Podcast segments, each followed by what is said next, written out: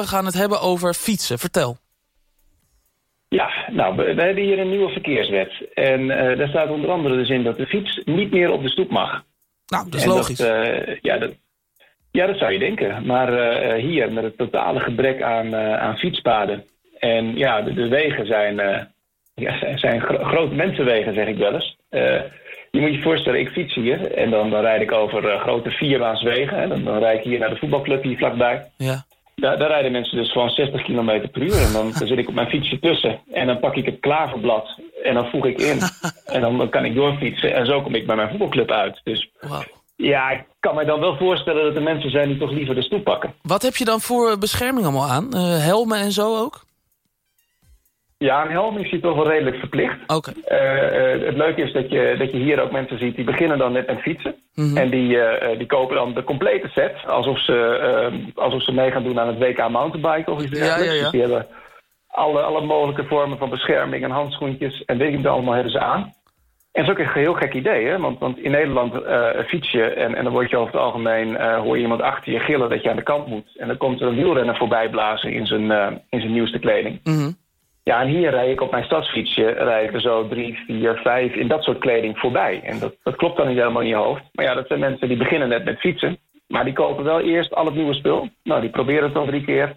En als het dan tegenvalt, staat de fiets straks weer in de kast. Ja, Met, eh, met alle kleding erbij. ongelooflijk. Ja, wij, wij Nederlanders gaan er altijd maar vanuit dat iedereen heel goed kan fietsen. Maar ik, ik ben ook een keer op vakantie geweest in Indonesië, door de rijstvelden gefietst. En daar waren ook allemaal mensen die, die vielen gewoon in die rijstvelden. Want die kunnen gewoon niet zo goed fietsen als wij. Ja, ongelooflijk hè. Ja. Je- wat, wat mij hier ook altijd opvalt is eh, dat, dat wat, je, wat je op een fiets goed moet doen... is dat als je omkijkt om te kijken of je, nou ja, of je in mijn geval dus in kan voegen... maar Ja. of je linksaf kan slaan of rechtsaf kan slaan... ja, dan is wel de bedoeling dat je alleen je hoofd omdraait. En, en niet ook je schouder en, en, je, en je arm meedraait... zodat je eigenlijk alvast de kant op gaat wa- waar je nog, waarvan je nog niet weet of je er wel heen mag. Ja. Nou ja, dat staat dus nu ook in de verkeerswet. Een, een auto moet een fietser eigenlijk eh, de volledige rijbaan die hij nodig heeft gunnen. Dus die moet anderhalve meter afstand houden bij het inhalen. Nou, lijkt, lijkt mij een prachtige, eh, idealistische gedachte. Maar ja, in de praktijk, eh, als, als het hier allemaal vol staat... en, en, en eh, de wegen zitten hier natuurlijk veel vol, eh, veel files... Mhm. Ik geloof er helemaal niet van dat, dat een auto zoveel ruimte gaat laten... en rustig 200, 300 meter achter een fietser blijft hangen. Dat, dat gaat gewoon niet gebeuren. Nee, jij kent de Dus, Chileense ik ben- Ja, ik ken de Chileense rijstijl. En nou ja, dat, dat wordt nog wat.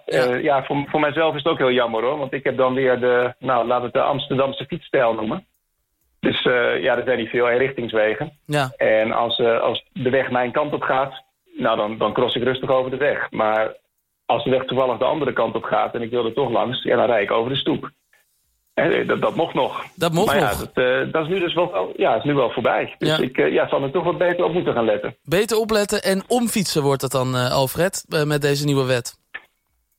Ja, ja, we zullen wat nieuwe routes gaan plannen. Ja, heel goed, heel goed.